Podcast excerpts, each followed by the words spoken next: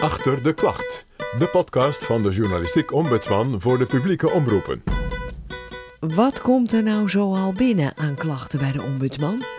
Nou, van alles. Er komen vaker berichten op de website van de NOS te staan die van geen journalistieke waarde zijn. Er wel eens over de impact op jonge mensen nagedacht en wat dwingen hun artikelen zo spoedig mogelijk te rectificeren. En wat doen redacties en de ombudsman daar dan mee? Goed dat u ons hierover hebt gemaild. Het is uiteraard. We hopen dat we u zo wat meer inzicht hebben gegeven in onze afweging. Nogmaals dank voor het wijzen op deze vergissing. Een dwarsdoorsnee uit de mailbox van de ombudsman.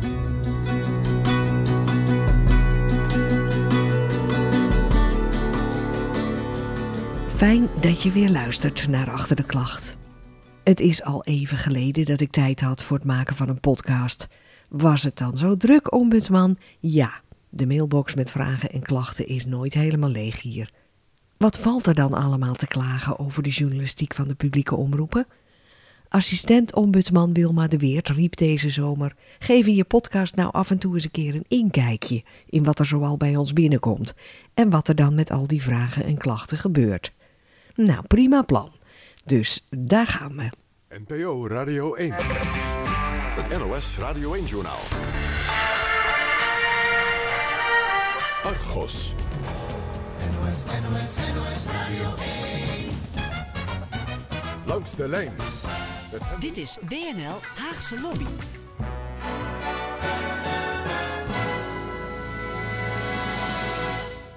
Je weet het, je kunt bij mij dus terecht als je opmerkingen hebt over de journalistieke programma's van alle publieke omroepen. Opmerkingen, dat is vragen, dat is klachten, van alles wat. Sinds de ombudsman bestaat, 2017, ontvang ik gemiddeld zo'n duizend mails per jaar. Bijvoorbeeld over feitelijke fouten in berichten. Geachte ombudsman, voor de derde keer heeft de NOS een artikel gepubliceerd waarin geelzucht een ziekte wordt genoemd. Maar geelzucht kan een symptoom zijn van allerlei aandoeningen. De NOS past het gebruik van het woord geelzucht niet aan, ondanks protesten van artsen. Zo worden patiënten die geel zien door andere oorzaken onnodig aangezien voor het hebben van een besmettelijke ziekte. Dit is grievend en kwalijk. Ik verzoek u om de NOS te dwingen hun artikelen zo spoedig mogelijk te rectificeren. Een klacht gaat altijd eerst door naar de redactie waar het over gaat. Zo een als deze dus ook. En zeker 80% van alles wat ik doorstuur wordt dan door redacties zelf afgehandeld of opgelost. Beste mevrouw of meneer, goed dat u ons hierover hebt gemaild. Het is uiteraard niet de bedoeling dat wij dit soort fouten maken in onze berichtgeving. Het klopt inderdaad dat geelzucht niet de juiste benaming is. De redactie heeft dit inmiddels gecorrigeerd in de door u genoemde artikelen. Ook hebben we het opgenomen in de herstelrubriek en in een kadertje onderaan de artikelen. Nogmaals dank voor het wijzen op deze vergissing. Bij dat soort klachten is de ombudsman dan eerder een soort doorgeefluik. Dat vind ik niet erg, als de klacht maar aankomt en een eventuele fout herstelt. Niet elke redactie is overigens ook even simpel rechtstreeks te vinden met een klacht. Dat vind ik vervelend en dat laat ik redacties ook altijd wel weten. Maar ik kan het zelf niet veranderen, dat moeten de omroepen doen.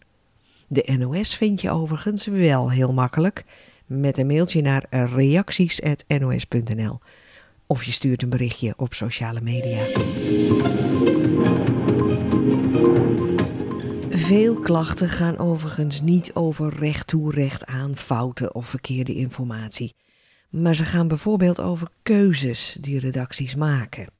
Hier is een voorbeeld.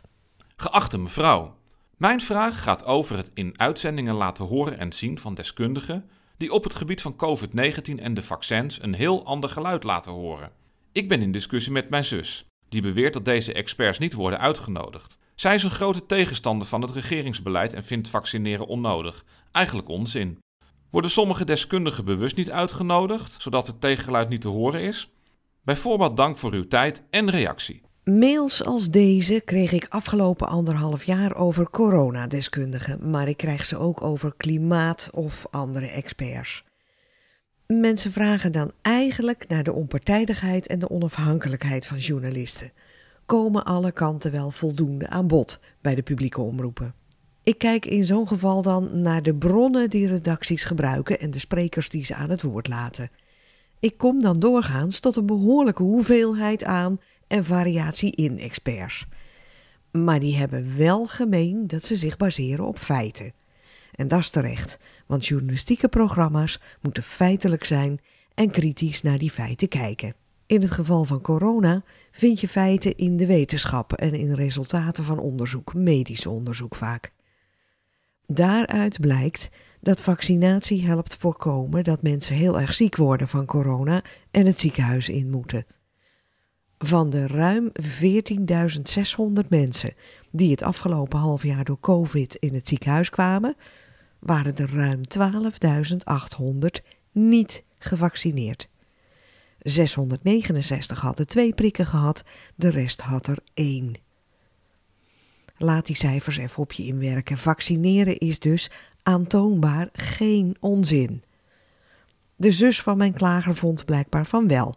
En zij weet het ontbreken van sprekers die dat ook vinden aan vooringenomenheid van de journalisten. Maar dat is het niet. Het is dat de feiten geen bewijs leveren voor haar standpunt en dat de mensen die zij graag zou horen geen betrouwbare bronnen zijn. En onbetrouwbare bronnen worden terecht niet uitgenodigd. Begrijp me goed, het staat iedereen vrij om van alles te vinden over vaccineren en programma's mogen daar uiteraard aandacht aan geven. Maar een beetje googelen en dan een mening geven maakt je nog geen deskundige die een plek kan claimen in journalistieke uitzendingen. Ik heb overigens niet meer teruggehoord hoe de discussie tussen broer en zus is afgelopen. Het is drie over half elf. Welkom op één. Overigens zie je bij talkshows wel vaak dezelfde gezichten, omdat deze programma's het prettig vinden om voor het publiek vertrouwde en herkenbare gezichten aan tafel te hebben. En dus komen mensen vaker dan één keer terug. Dan kan je als kijker wel eens het gevoel hebben dat je eenzijdig wordt voorgelicht, want je ziet elke keer diezelfde kop. Maar dan is het dus belangrijk dat de presentator andere opvattingen voorlegt aan die deskundige en dat die dan de kans krijgt de feiten te laten zien. Daarop moet je als praatprogramma altijd blijven letten. En je mag nooit de rode loper uitrollen voor een gast aan tafel. Of hij zich nou op feiten of op fictie beroept.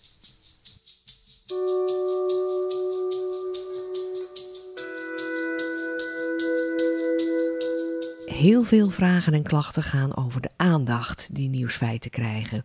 Of juist niet krijgen.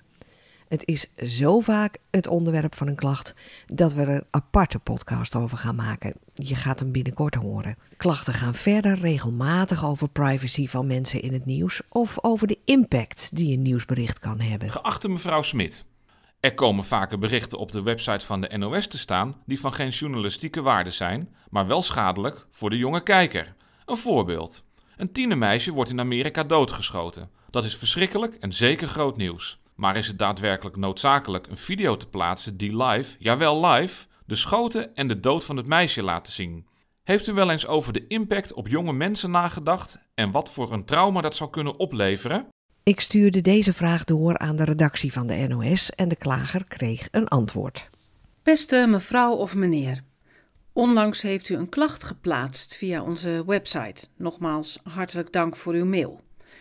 We zijn ons zeer bewust dat dit soort onderwerpen schokkende elementen kunnen bevatten. We kiezen er soms toch voor om erover te berichten, om een indruk te geven van wat zich heeft afgespeeld en omdat wij het als onze taak zien te berichten over de wereld om ons heen. De vraag is dan altijd hoe ver we daarin gaan. U heeft misschien de indruk dat we alle beschikbare details en beelden hebben uitgezonden. Maar het tegenovergestelde is waar. We hebben juist van alles achterwege gelaten, zoals we in allerlei onderwerpen details of schokkend beeld achterwege laten, omdat we denken dat we anders ons doel voorbij zouden schieten. We zien het NOS-journaal overigens als een programma voor volwassenen. Hetzelfde geldt voor onze website. Het is aan de ouders om te bepalen waar ze hun kinderen mee in aanraking brengen. We hopen dat we u zo wat meer inzicht hebben gegeven in onze afwegingen. Daarop schreef de klager terug naar de redactie en naar mij. Hartelijk dank voor deze standaardreactie. Of het nu gaat om een doodgeschoten ambassadeur of om amateurfilms van schietende mensen in Wenen, dit is uw antwoord. De verantwoordelijkheid schuift u ver van zich af. Ouders moeten maar op hun kinderen letten. Ik heb jarenlang voor een krant gewerkt en weet hoe het journalistieke werk in elkaar steekt. Juist daarom weet ik ook wat fatsoenlijke keuzes zijn en hoe deze in het werk omgezet kunnen worden. Erover berichten in plaats van beelden laten zien, alleen beschrijven of er stil uit de video in het bericht zetten, dat kan allemaal en is veel beter. De kijker kreeg inderdaad een standaardreactie voor klachten over schokkende beelden en gebeurtenissen. En dat is natuurlijk jammer. Het is wel zo dat bij de NOS op sommige dagen zoveel mails binnenkomen dat voor een persoonlijk antwoord niet altijd gelegenheid is. Maar een standaardreactie, nou nee, niet doen. Over de zaak zelf ligt mijn oordeel genuanceerd. Een nieuwsredactie moet slecht nieuws inderdaad niet verstoppen. En ook inderdaad, in dit geval was veel beeld dat niet gebruikt was. Te schokkend.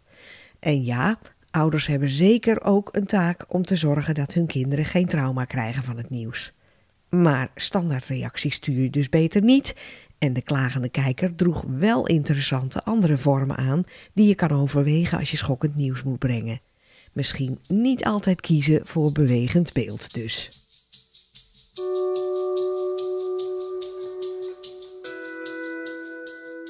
Van sommige klachten vraag je je oprecht af of ze serieus zijn. Geachte ombudsman, ik heb een man van bijna 2 meter. Hierdoor is dus ook alles wat langer en groter. Ook de handen en vingers. De naam Lange Vingers kwetst mij. Maar daar hoor je niemand over. Ik heb de fabrikant hierover gemaild, maar geen reactie. Misschien kan de NPO hier aandacht aan besteden, zoals de foute benamingen moorkoppen en negerzoenen ook door de journalistiek aan de orde zijn gesteld. Ik heb de klager toch maar serieus teruggeschreven dat we zijn opmerkingen aan de nieuwsmakers zullen doorgeven. Maar het is aan redactie zelf of ze dit koekje ook een niet discriminerende naam gaan geven, net zoals die chocolade roomsoezen. Taal leeft en ontwikkelt zich in de samenleving. Als verandering echt nodig is, dan gaat dat geleidelijk en in het algemeen spraakgebruik. Niet na een oekase van de ombudsman. Beste ombudsman, vandaag hoorde ik in Buitenhof meermaals reclame voor de software Zoom. Zoomen werd een werkwoord net als Skypen en FaceTimen. Dit zijn allemaal commerciële tools. Het noemen van de merknaam in plaats van de term videobellen is sluikreclame. De Nederlandse overheid is voorstander van open source software die voor iedereen beschikbaar is. Er is heel veel goede open source voorhanden voor videobellen. Het zou de publieke omroep sieren als ze open source alternatieven een eerlijke kans geven. Er zijn nogal wat van die merknamen die een soortnaam werden. Ook woorden waarvan we dat al lang vergeten zijn dat ze ooit een merk waren. Botoxje mevrouw, ik stuur je wel een tikkie straks. Merkverwatering heet dat officieel. Airfryer, aspirine, Bic, Bifi, Borsellino, Jeep, kerosine, Clico, Motel, Temper, plexiglas. Bedrijven vinden het bijna nooit leuk als dit juist met hun merknaam gebeurt. Het is fijn, ja, zeker wel dat we die naam allemaal gebruiken. Maar als je merk steeds meer een soortnaam wordt, dan kan je veel moeilijker tegenhouden dat een ander jouw naam ook op zijn eigen product gaat plakken. En dan ben je ineens niet onderscheidend meer. Kruimeldief, Luxaflex, Maggi, Brinta, Botox, Cellofaan, Chocomel, Krusli, Wasseretten, Vaccinelichtje, Zeppelin. Elke pillendraaier mag inmiddels een aspirintje maken. Dat is niet meer voorbehouden aan alleen die ene. En googelen doen we ook al lang met andere zoekmachines. Dus als je pech hebt, wordt jouw naam straks overal gebruikt. Maar gebruikt iedereen hem voor iets anders dan voor jouw product? Frisbee. Googelen, heroïne, kook, dictafoon, dinky toys, photoshoppen, frikandel, thermoskan, tomtom, Het verleden laat zien dat gebruik zoals in Buitenhof uiteindelijk dus helemaal geen reclame voor een product is. Eerder het tegendeel. Dat heb ik die klager dan ook geschreven. Maar ik ben het wel met hem eens dat videobellen een veel mooier woord is dan, nou ja, eh, dat andere woord dus. En dan zijn er nog die klachten waar ik eigenlijk helemaal niet eens voor ben, maar die me toch genoeg intrigeren dat ik ze uitzoek. Zoals deze. Ron Boshart presenteert het nieuwste en natste spelprogramma Bommetje. Goedenavond. We zitten net gezellig met een jong gezin het kinderprogramma Bommetje te kijken. Komt er direct erna een fragment van een serie waarin iemand overreden wordt door een vrachtwagen.